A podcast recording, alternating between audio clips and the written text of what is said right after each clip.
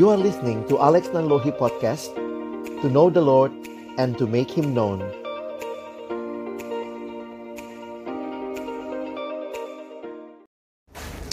Bapa di dalam surga, kami bersyukur buat kesempatan siang hari ini. Kembali kami boleh bersekutu memuji, memuliakan namamu.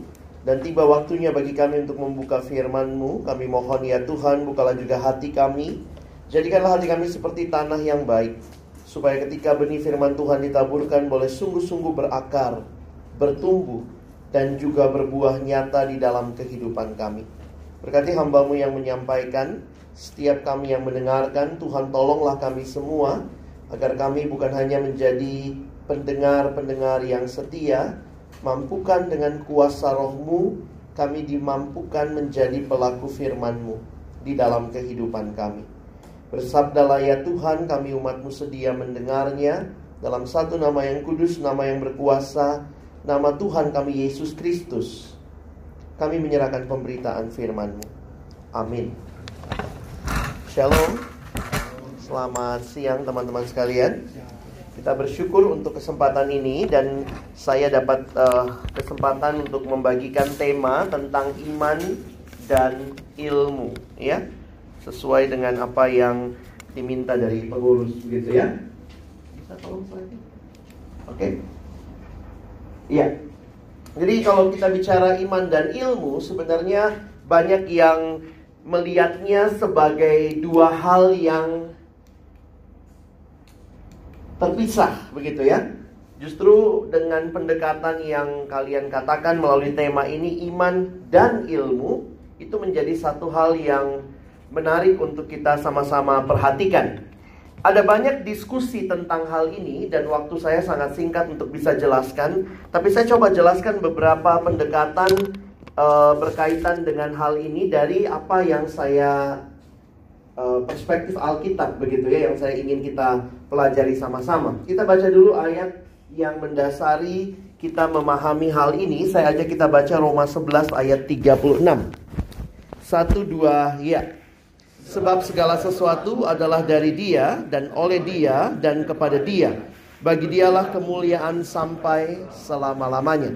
Dalam terjemahan bahasa Inggris dikatakan for from Him and through Him and to Him and for Him all are all things. To Him be the glory forever. Amen. Kalau kita lihat ayat ini, kita langsung mendapat kesan bahwa ini salah saya buat dalam warna merah begitu ya. Dari dia, oleh dia dan kepada dia. Saya pikir ini ayat yang sangat merangkum dengan jelas seperti apa seharusnya kita menghayati hidup Kristiani kita. Ketika Paulus bicara hal ini di dalam surat Roma, setelah dia menjabarkan doktrin yang begitu ngejelimet yang luar biasa dalamnya di dalam pasal yang pertama sampai pasal yang ke-11, di akhir pasal yang ke-11 dia mengatakan satu doksologi, satu pujian kepada Allah. Ayat sebelumnya dia mengatakan, "Oh, betapa dalamnya pikiran-pikiranmu tak terselami." Lalu kemudian Paulus menutup dengan, "Segala sesuatu adalah dari Dia, oleh Dia, dan kepada Dia." Saya pikir itu perspektif yang harusnya kita miliki. Allah adalah pencipta segala sesuatu. Dari Dia, sekarang ini semua yang ada ditopang oleh dia. Itu terjemahan lain untuk mengerti kata dari. Ya, uh, sorry, kata oleh. Dari dia, he is the source of everything. Ditopang oleh dia. Dan segala sesuatu harus bagi kemuliaan namanya. Jadi saya pikir kalau kita mengerti kehidupan Kristiani, demikian. Saya dan saudara dicipta oleh Allah. Kita ada sekarang ditopang oleh Allah dan seluruh keberadaan kita pada akhirnya untuk kemuliaan Allah. Jadi dari dia, oleh dia, kepada dia. Nah, ini menjadi satu pemahaman penting waktu kita bicara bagaimana dengan iman dan ilmu. Kadang-kadang orang melihatnya di dalam sejarah, saya coba jelaskan sedikit sejarah pemikirannya ya. Di masa yang lalu, ketika manusia masih primitif kira-kira begitu ya. Kalau kita bicara bumi, maka manusia boleh dikatakan seperti ini pola pikirnya. Manusia ada atau dikuasai. Jadi bumi itu dilihat dengan segala keberadaannya sesuatu yang di atas manusia. Sehingga banyak sekali misteri yang ada. Nah, sebenarnya di dalam pemikiran pramodern, ini pemikiran pramodern, pemikiran ini membuat memang manusia begitu tunduk dan takluk sama alam. Manusia cenderung menyembah alam.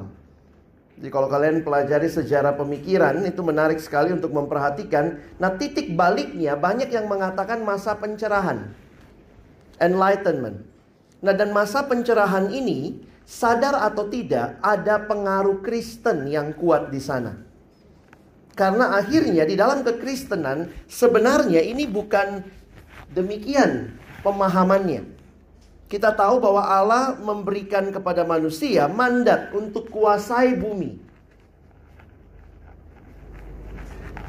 Jadi manusia sebenarnya harusnya ada di atas alam. Nah, pemahaman ini ditolong dengan semangat enlightenment saya pikir yang akhirnya melahirkan manusia mulai lebih secara apa ya, secara dalam dan masif untuk melihat alam lebih detail. Karena itu kalau kalian lihat perkembangan ilmu pengetahuan, teknologi khususnya itu sekitar abad ke-16 ke depan penemuan mesin cetak dan segala macam dan itu semua tidak terlepas dari semangat reformasi yang mempengaruhi juga uh, saling mempengaruhi lah ya kalau kita boleh katakan demikian dengan uh, terjadinya perubahan yang besar di Eropa pada waktu itu. Gereja yang tadinya memegang otoritas tertinggi ketika itulah kemudian orang mulai mempertanyakan otoritas. Itu masa-masa yang terjadi orang mempertanyakan otoritas. Termasuk gereja bilang bumi itu datar ya. Itu pandangan gereja juga di satu masa ya. Lalu kemudian sehingga waktu itu uh, Galileo akhirnya harus mengkena siasat gereja kira-kira begitu ya. Tapi perkembangan ilmu pengetahuan saya pikir kalau kita lihat lebih jauh lagi sebenarnya dipengaruhi dengan pemahaman yang ada dalam Alkitab bahwa manusia harusnya menguasai alam, manusia harusnya mengupayakan alam itu karena itu mandat yang diterima dari dari Tuhan. Jadi kalau kita perhatikan cara pikir yang demikian membentuk persepsi seolah-olah ini kalau kalian perhatikan ya, kalau dulunya banyak sekali hal yang tidak dipahami, misteri. Sehingga ini dilihat sebagai ilah atau Allah. Tapi perkembangan di sini membuat manusia merasa makin banyak tahu dan makin banyak bisa. Akhirnya seolah-olah ilmu itu bisa menjelaskan segala sesuatu yang tidak bisa dijelaskan oleh iman sehingga timbullah polarisasi. Iman dan ilmu menjadi dua hal yang terpisah. Seolah-olah orang yang beriman biasanya tidak berilmu atau orang yang berilmu biasanya tidak beriman. Padahal kalau kita pelajari sejarah, khususnya sejarah pendidikan di barat, universitas itu berasal dari tradisi gereja.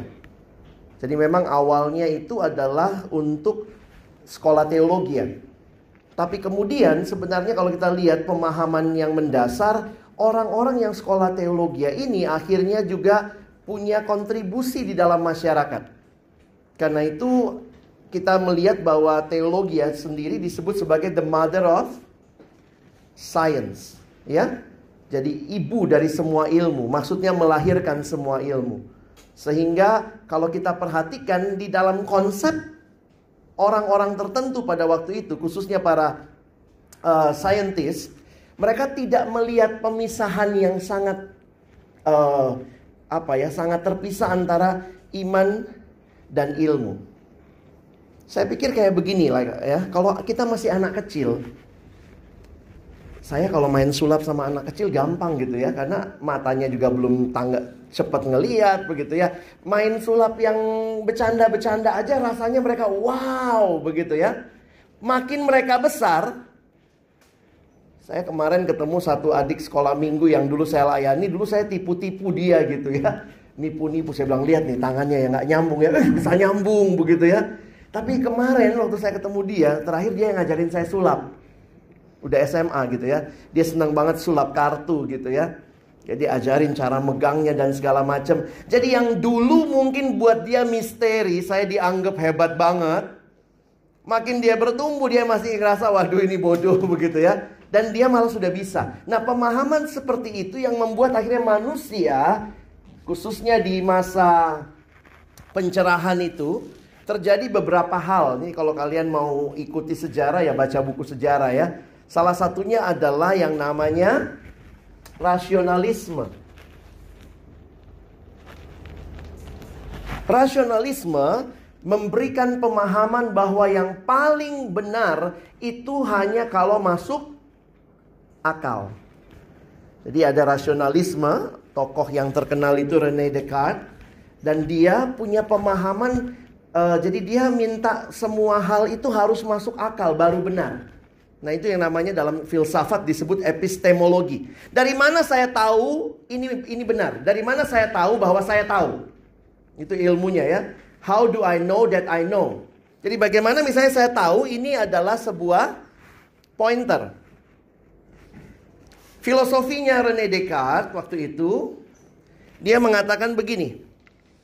Kalau kamu mau tahu segala sesuatu dan itu harus masuk akal berarti harus ada proses berpikir. Bagaimana supaya ada proses berpikir? Ini kuliah filsafat sedikit ya. Proses berpikir itu mulailah dengan meragukan segala sesuatu. Contoh, ini benar nggak ya pointer ya? ini benar gak ya pointer? Karena saya meragukannya, saya berpikir, maka akhirnya oh iya benar, ini ada. Oke ya, jadi coba perhatikan ya, ini ada. Sampai akhirnya ya kemakan teori sendiri, kayak Archimedes gitu ya. Dia kemakan teori sendiri, Nanti kalau kalian baca ceritanya lucu juga sampai akhirnya dia menanyakan hal itu kepada dirinya. Aku ini ada apa tidak? Gelo kan? Kan dia mesti makan teorinya sendiri. Berarti semua sesuatu, segala sesuatu harus diragukan. Akhirnya dia meragukan aku ini ada atau tidak. Lalu dia ceritanya katanya bertapa begitu ya di bawah cerobong asap. Sampai akhirnya dia menemukan, yes aku ada. Kenapa aku ada? Karena ada yang meragukan aku ada, yaitu aku. Oh ini ini jangan kalian ketawa ya. Kalian sebenarnya main hal yang sama saat ini.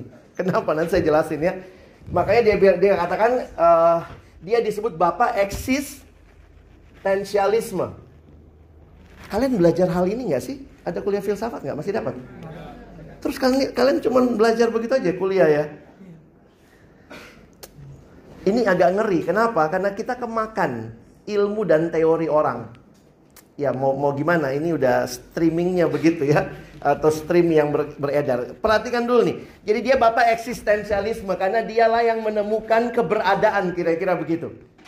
Sehingga yang terkenal adalah kalimat dia cogito ergo sum.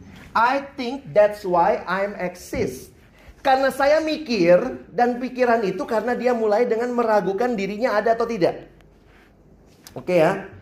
Aku ada, oh iya aku ada. Akhirnya dia ada. Nah, kemudian ini setelah masa-masa abad pencerahan itu ya, terjadi lagi yang namanya ada stream yang lain lagi. Karena ada yang bilang begini, kalau itu rasional, masuk akal, apakah benar begitu? Sehingga misalnya, beberapa hal kita bisa bilang ini, ini benar nggak spidol ya? Tapi kalau itu misalnya api, api itu panas atau tidak? Panas, tahu dari mana? Karena mikir, uh kayaknya panas nih, kayaknya panas. Sehingga bapak yang selanjutnya bilang nggak bisa cuma pakai rasio, harus pakai proses empiris. Ini pertama ya, empiris, empirisisme. Nah, kalian bikinlah. Saya su Empirisisme itu teori utamanya adalah bukan cuma masuk akal, harus bisa dibuktikan secara panca indera. Jadi kalau kalian perhatikan ini mulai mengatakan harus bisa dibuktikan dengan pengalaman, dengan tes, dengan panca indera. Di akhir abad ke-18 mereka menikah rasionalisme dan empirisisme. Ini merit nih. Sehingga sejak itu di dalam teologi pun muncul teologi liberal yang memisahkan. Karena apa? Bicara Allah, Allah nggak pernah bisa dibuktikan. Tapi kalian perhatikan ya, ini awal sumbernya dari pemahaman Alkitab manusia harus menguasai bumi. Dan sampai hari ini, sistem pendidikan di semua universitas di dunia masih memakai dua sistem ini. Betul? Kalian sedang melakukan itu dalam studimu. Apa yang dilakukan waktu mereka merit? Sekarang cucunya namanya metode ilmiah. Karena itu skripsi bab 1 mesti teorinya dulu. Siapa yang dipakai? Bapak ini. Masuk akal nggak? Siapa yang udah pernah teliti segala macam. Lalu mesti ada eksperimen. Empirisme. Lalu tesis, antitesis menghasilkan sintesisnya apa? Itulah proses skripsimu. Itulah proses kamu lakukan sekarang semua harus dicoba. Tapi lihat, Sebenarnya dalam prosesnya manusia mulai mengeluarkan Tuhan karena rasanya saya makin bisa tahu banyak hal. Padahal kalau kita kembali ke ayat ini.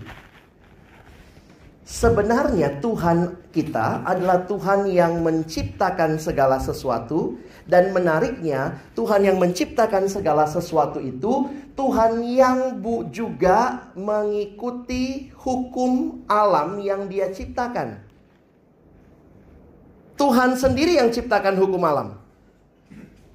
Ketika manusia melakukan berbagai eksperimen secara teori dan rasio, manusia sebenarnya hanya menemukan hukum alam yang sudah Tuhan ciptakan.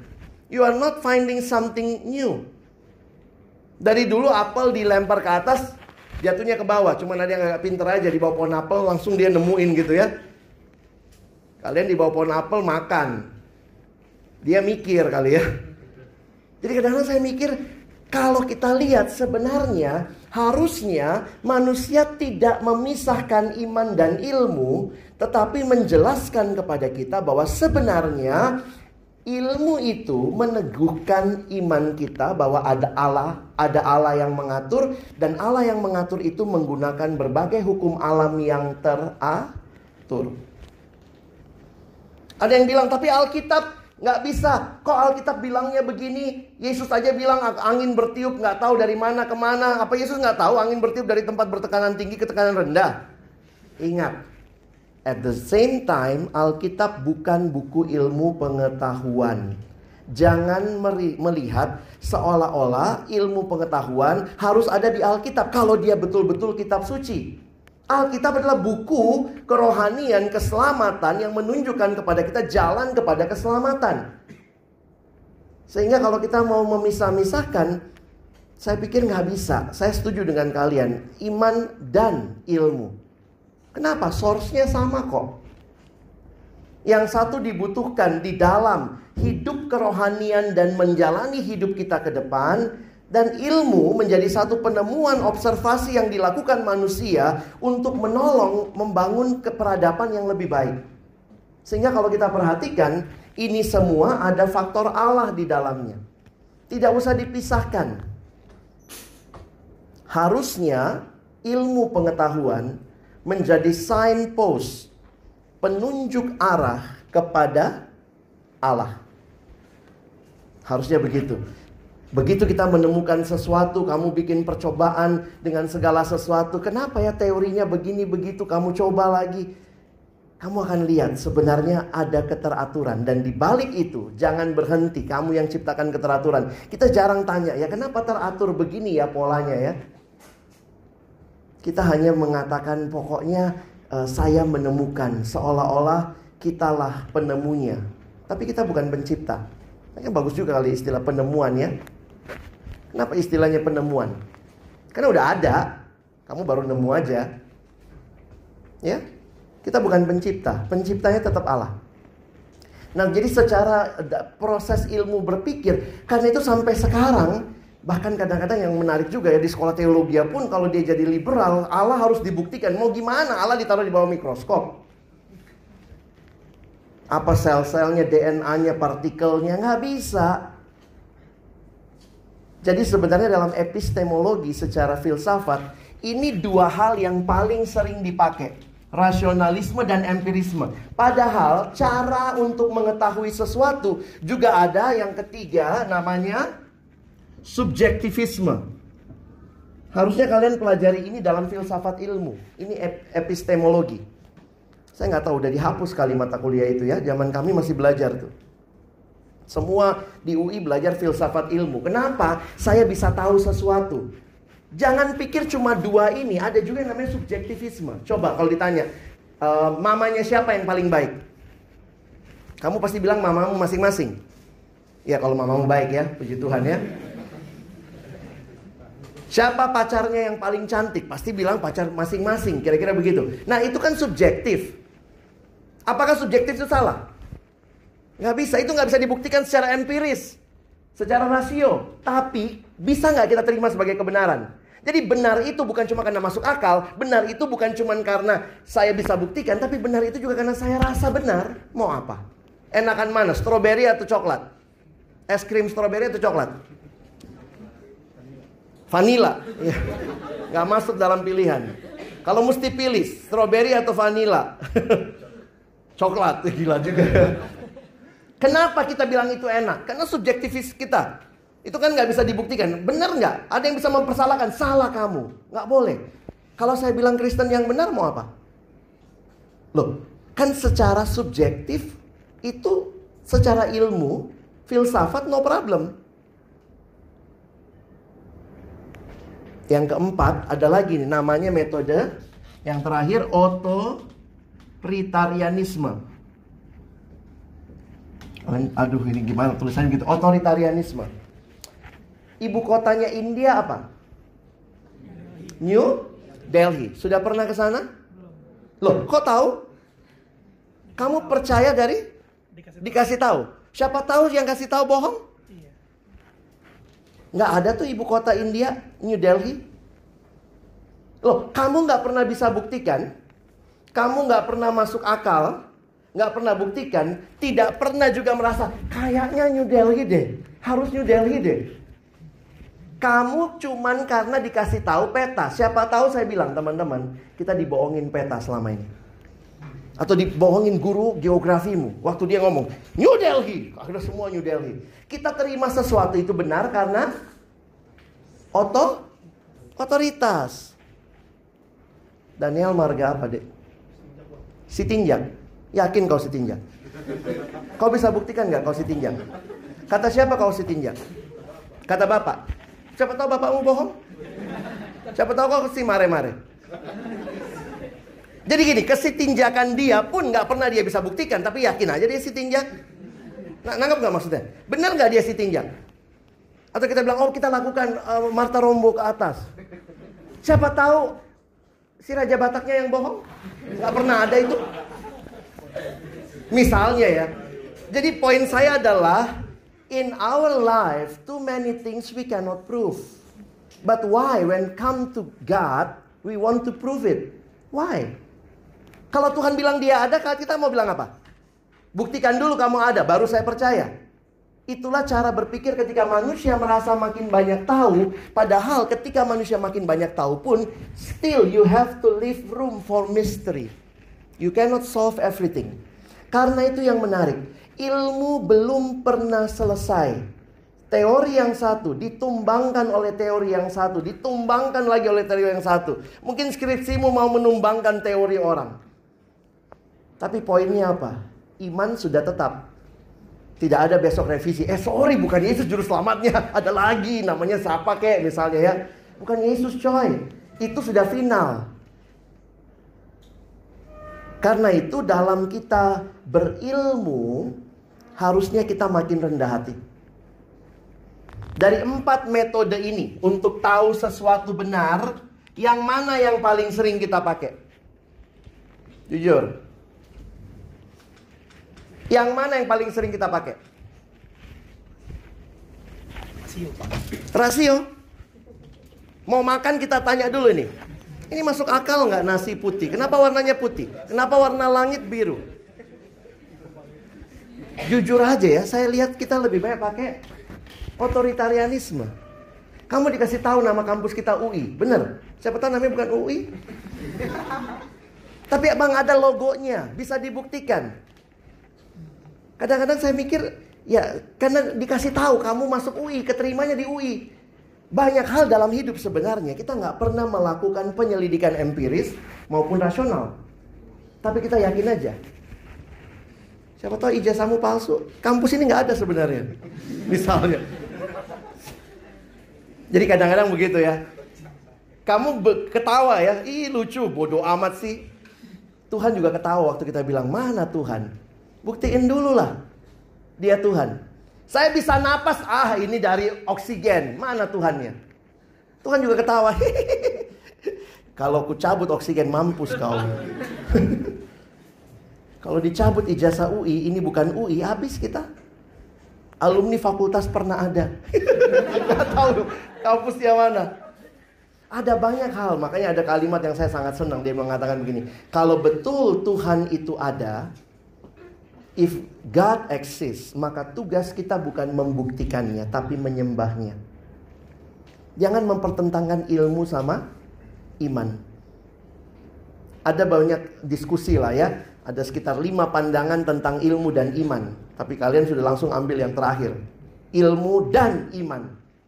Tapi ada yang mengatakan itu dua ranah yang berbeda. Yang satu ilmu, yang satu iman. Ada yang melihat dua hal dari sumber yang sama tapi terpisah jalurnya. Ada yang melihat ini harus dicampur. Yang campur-campur itu juga jadi, jadi aneh. Karena Alkitab dijadikan buku buku ilmu pengetahuan. Jadi kalau ada penemuan apa, oh Alkitab sudah pernah bilang. Padahal ya mungkin itu memang bahasa bahasa Alkitab ya adalah bahasa figuratif atau juga ada beberapa hal yang di dalamnya tidak sedang bicara itu.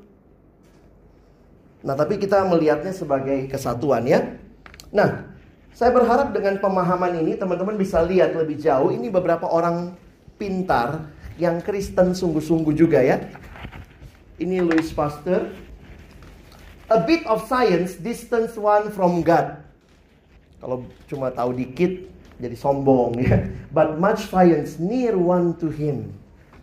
The more I study nature, the more I stand amazed at the work of the Creator.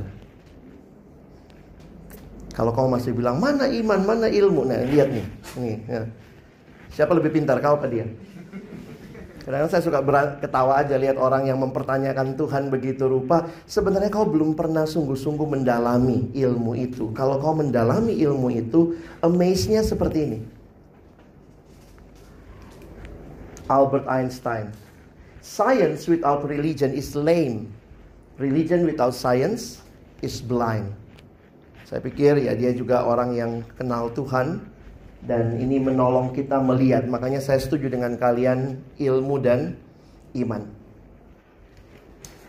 Beberapa filosofi mencoba menolong kita, misalnya religion itu the realm of spirit, philosophy itu mind, dan kemudian science, realm of physical. nah, beberapa orang melihat, makanya saya coba pakai pendekatan ini hari ini ya, bahwa bagaimana memahami itu kita perlu punya world view. World view kita sangat berbeda. Kenapa? Karena secara religion kita percaya kita punya world view yang teistik, mulai dari ada Allah. Jangan heran ada orang-orang yang world view-nya mulai dengan tidak ada Allah. Jadi waktu tidak ada Allah, end of discussion. Mau bicara iman dan ilmu nggak bisa juga diomongin karena iman bicara ada Tuhan. Ada juga yang punya worldview yang saya nggak boleh sebut ininya lah ya. Tapi misalnya worldview tertentu itu melihat hidup itu sirkular, waktu itu sirkular. Lahir, nanti kemudian kalau mati reinkarnasi, muter terus. Karena itu hidup yang sirkular ini, perhatikan ya teman-teman penting banget ke Christian worldview. Karena kalau kita punya worldview yang lain, langsung semuanya jadi lain. Worldview itu memberikan cerita kepada cerita kita. Sekarang poinnya adalah apa ceritamu? What kind of worldview you are living for? Kamu lagi hidupi cerita apa? Mati selesai, itu ceritamu? Nah ini ceritanya begini kalau yang sirkular ya. Mati belum selesai, hidup lagi reinkarnasi. Karena itu mereka nggak bisa kenal dosa. Mereka cuma kenal yang namanya karma. Kita Kristen tidak kenal demikian. Kita melihat waktu mulai di satu titik bergerak maju dan tidak reversible. Nggak bisa balik. Nggak bisa jadi muda lagi. Kita bisa bicara dosa, kita punya konsep dosa, kita punya konsep pertanggung jawaban. Nah, kadang-kadang bagaimana kita hidup dalam dunia yang seperti ini, kita perlu punya worldview yang biblical. Karena itu saya ingatkan, kalau kamu lagi belajar ilmu apa pun, di mana letak imannya? Kira-kira saya mau kasih begitu ya. Bukan berarti setiap kali kau bikin percobaan, sekedar kau doakan percobaanmu, kau baptis semua alat-alat lab. Saya mau masuk praktisnya. Tadi kan pemikirannya. Apa artinya saya mengerti iman dan ilmu itu sebagai satu hal yang menyatu, paling tidak di cara pandangmu. Bagaimana kamu memandang ilmumu? Kita mulai dengan cara pandang Kristen. Sebenarnya apa sih cara pandang Kristen? Beberapa buku yang saya baca, saya simpulkan, saya pakai dua buku lah utama ya. Cara pandang selalu berakhir dengan tindakan. Ada orang yang bilang, masa cara pandang, filosofi lagi, filosofi lagi. Tapi sadar atau tidak, cara pandang selalu berakhir dengan tindakan. Karena apa yang dinilai dan dipikirkan menuntun kepada keputusan dan tindakan. So how? Pertanyaannya begini, kalau cara pandang Kristen sumbernya dari mana? Tentu Alkitab. Pertanyaannya, Alkitab itu story atau stories? Satu cerita atau banyak cerita?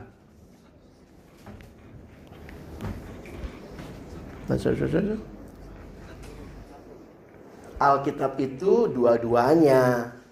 Banyak cerita tapi juga ada satu cerita utama. Unik sekali kalau memperhatikan seluruh Alkitab. Ditulis dalam kurun waktu yang panjang, sekitar 1600 tahun ditulis dari lebih 40 penulis dalam budaya dan waktu hidup yang berbeda. Dan hebatnya tema utamanya bisa sama. Padahal nggak pernah rapat redaksi. Itu siapa yang melakukannya? Ya. Yes, the Bible is a collection of stories, but also at the same time a single story. A single story. Story tentang apa? Kalau kita lihat the big story of the Bible, kita bisa melihat empat hal ini. Mulai dengan Allah mencipta, manusia jatuh ke dalam dosa, Kristus menebus, dan kali kedua Kristus akan datang kedua kali untuk menggenapkan segala sesuatunya. Itulah ceritanya Alkitab kalau kita perhatikan. Jadi kalau teman-teman perhatikan ini empat cerita utama. Kenapa ini penting? Karena Alkitab kita diberikan oleh Allah bukan cuma tentang keselamatan. Di sinilah kita penting untuk memahaminya. Nah, satu buku yang lain yang ditulis oleh Christopher Wright. Jadi kalau ini pandangan ini di kalangan Injili banyak dipakai oleh John Stott. Penerusnya John Stott namanya Christopher Wright. Christopher Wright ini nulis satu buku lalu dia kasih satu pendekatan yang menolong kita melihat lebih detail lagi. Dia bilang Alkitab itu seperti drama enam babak. Gampang diingat karena dia pakai simbol. Mulai dari 1, 2, 3, 4, 5, dan 6. Apa yang dia katakan sama seperti tadi. Yang pertama creation, Allah mencipta. Lalu manusia jatuh ke dalam dosa, tanda silang. Lalu Allah mulai penyelamatan itu sejak perjanjian lama. Karena itu banyak nubuat, karena itu ada promise. Lalu itu digenapi dalam Kristus, redemption. Lalu yang nomor lima, Kristus kembali ke surga, kita disa, diberikan tugas. Itulah mission. Lalu nanti Tuhan janji dia akan datang kedua kali. Jadi dia tambahkan dua hal, promise dan mission. Kita ada di nomor berapa? Teman-teman nomor berapa? Lima ya? Atau dia nomor dua? Saya sebelah ular kak. Saya sempat selfie gitu. Jadi kalau kita lihat sekarang dalam cerita besarnya Allah, jadi begini teman-teman, sadarilah sebenarnya Allah yang punya cerita besar dan kita dilibatkan ke dalam ceritanya. This is not your story and inviting God into your story, but this is God's story and inviting you and me to be part of His story. What is history? Actually, history is His story, not your story, not your family story is his story. Ceritanya Allah. Sehingga kalau kita melihat dalam ceritanya Allah, we are all on mission. Kita lagi dalam misi.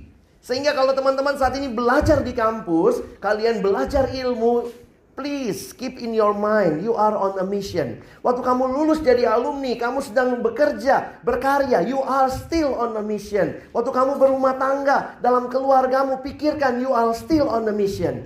Karena itu pertanyaannya selalu begini, apa yang Tuhan mau melalui saya berkeluarga, apa yang Tuhan mau dengan ilmu saya, apa yang Tuhan mau dengan studi saya.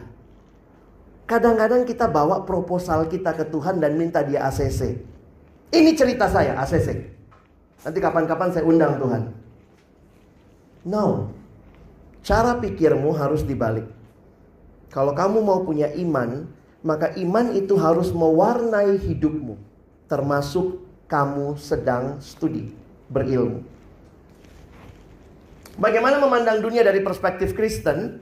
Nah, jadi bayangkan uh, enam tadi atau kita pakai yang empat lah ya, kacamata itu jadi cara pandang itu seperti kacamata yang dari Alkitab yang kita pakai untuk memandang dunia ini.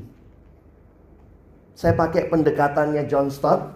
Karena itu John bilang begini, penting sekali orang Kristen itu kembangkan akal budi kristianinya.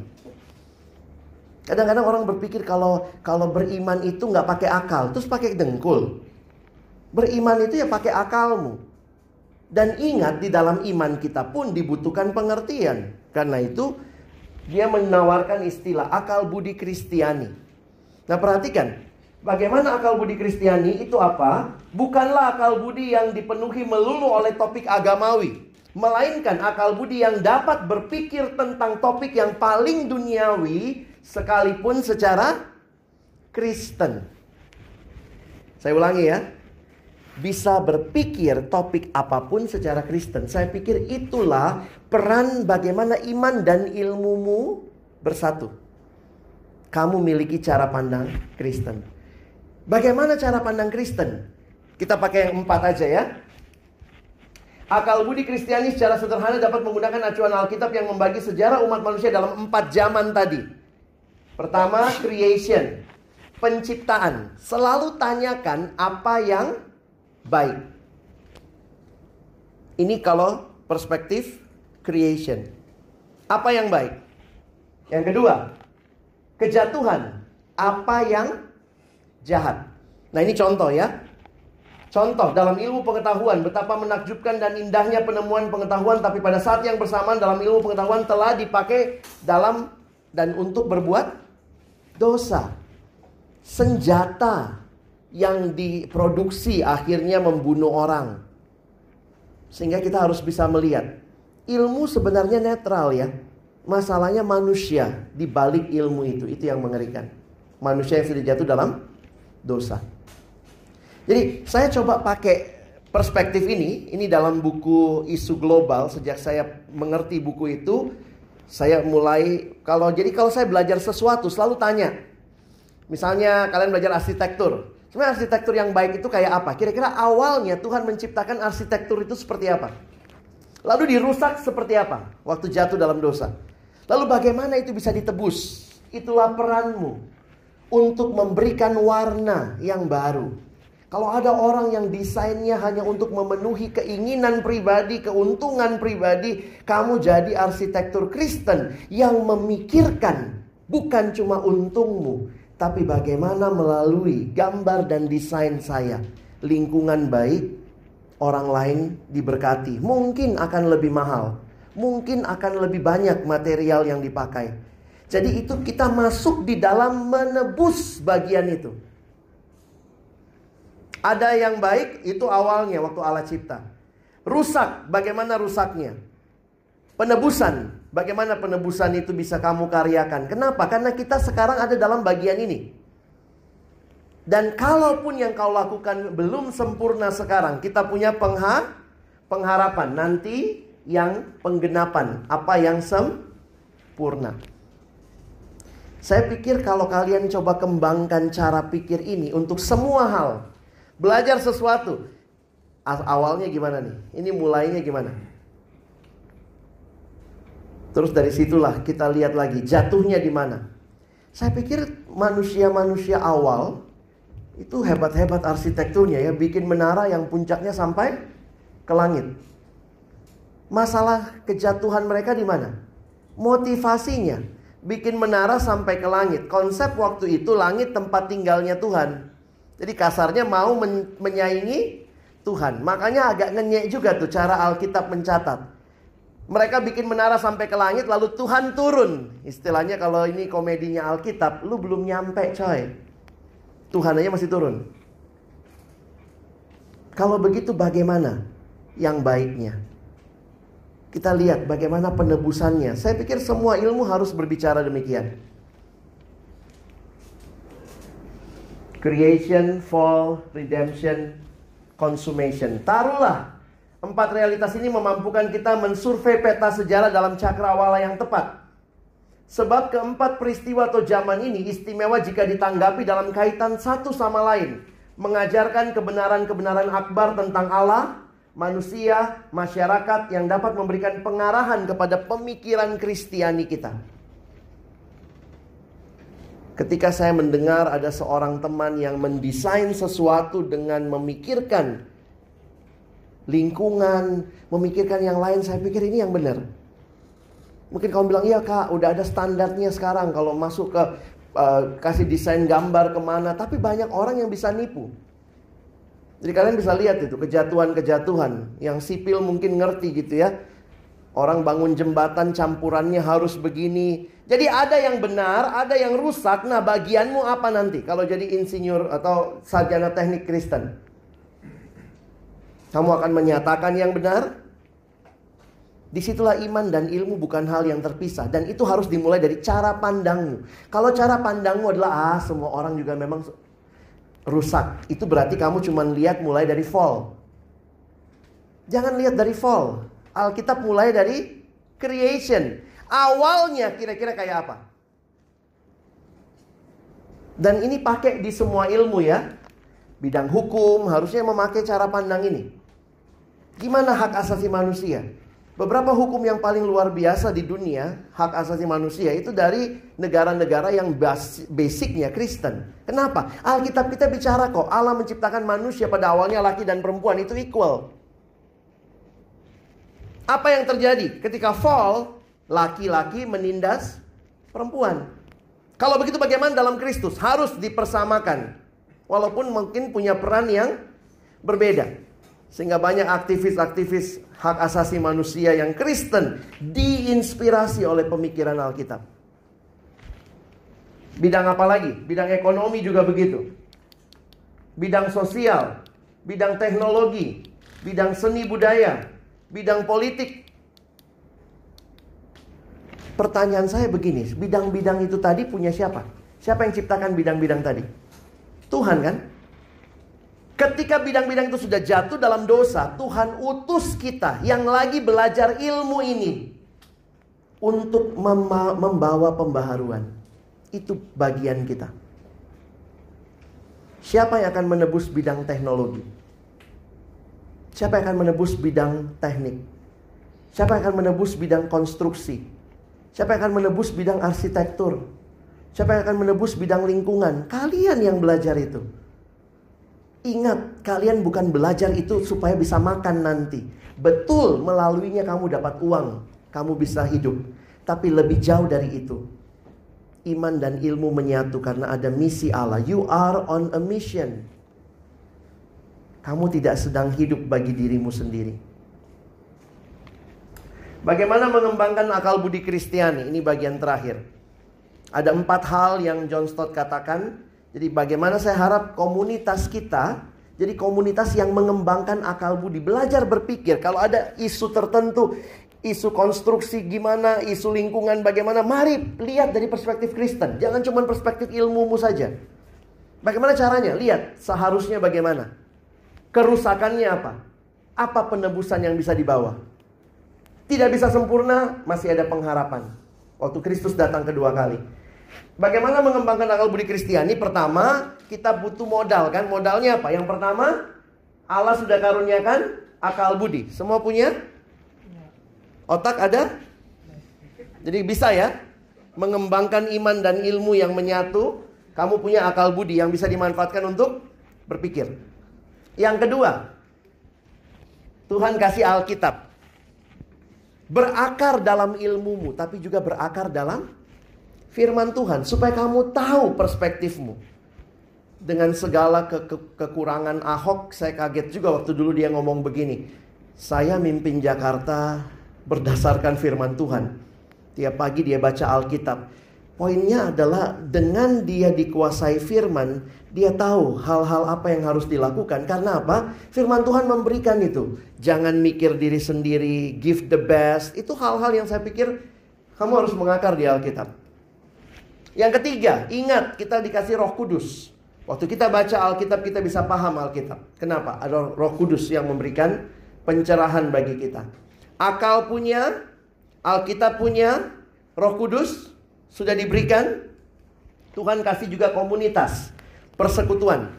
Jadi mulailah dalam persekutuan ini kalian memikirkan iman dan ilmu yang menyatu itu.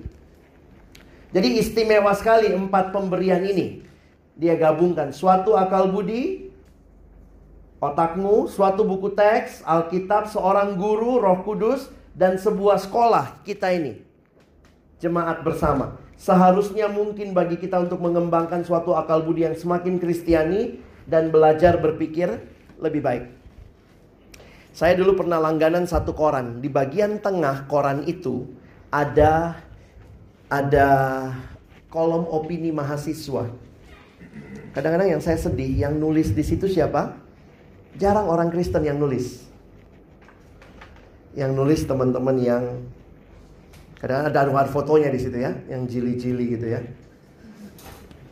Sampai satu waktu begini, saya pernah juga ke, ke Kober, waktu dulu saya akan mau ke kampus, di Kober itu ada satu orang bagi-bagi tulisan. Dia bikin tulisan, dia fotokopi sendiri, dia bagi empat itu satu satu A4 dia bagi empat. Lalu tulisannya dia, ternyata dia waktu itu cuma mau menuliskan tentang anti aborsi. Waktu itu ada undang-undang aborsi, dia mau tulis tentang anti aborsi dan dia bagi-bagi itu di situ. Saya pikir dia fotokopi pakai uangnya sendiri, dia lakukan semua pakai uangnya sendiri, dia bagi-bagi di situ. Apa yang menarik? Di situ dia tulislah ayat-ayat mereka, begitu ya. Lalu dia bilang bagaimana anti aborsi. Saya pikir ini orang intelektual nih. Wah, seorang wanita yang berpikir dengan perspektif ilmu uh, uh, kitab mereka. Poin saya di mana orang Kristen, di mana pemikir Kristen yang memberi dampak. Tulis sesuatu, mungkin nggak perlu tulis ayatnya, tapi nilai-nilai yang kau tulis itu sesuai dengan firman Tuhan.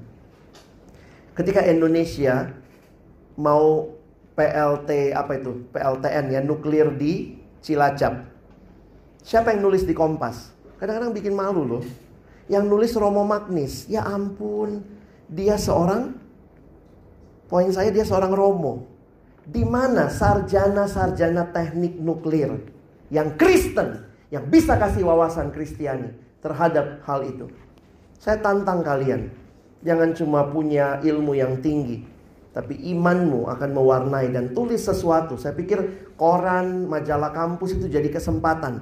Share nilai-nilai kebenaran, share nilai-nilai Kristiani.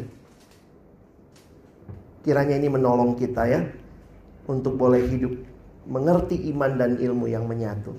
Mari kita berdoa. Bapak Surgawi terima kasih buat kesempatan belajar siang hari ini. Biarlah kami ditantang untuk melihat kepada dunia milik Allah di mana kami ditempatkan. Di sini Tuhan mau kami juga memberi warna karena kami sedang dalam misi Allah di dalam dunia ini. Kami terus berdoa, tantang kami terus Tuhan untuk boleh berpikir mendalam sehingga kami bukan hanya punya iman, tapi kami punya ilmu dan kami melihat keduanya menjadi satu bagian untuk melayani Tuhan dan melayani masyarakat di mana kami hidup. Makin kenal Tuhan, biarlah kami makin kagum dan takjub. Ilmu itu membuat kami lebih tunduk, lebih rendah hati di hadapan Tuhan. Kami bersyukur dalam nama Yesus, kami berdoa. Amin.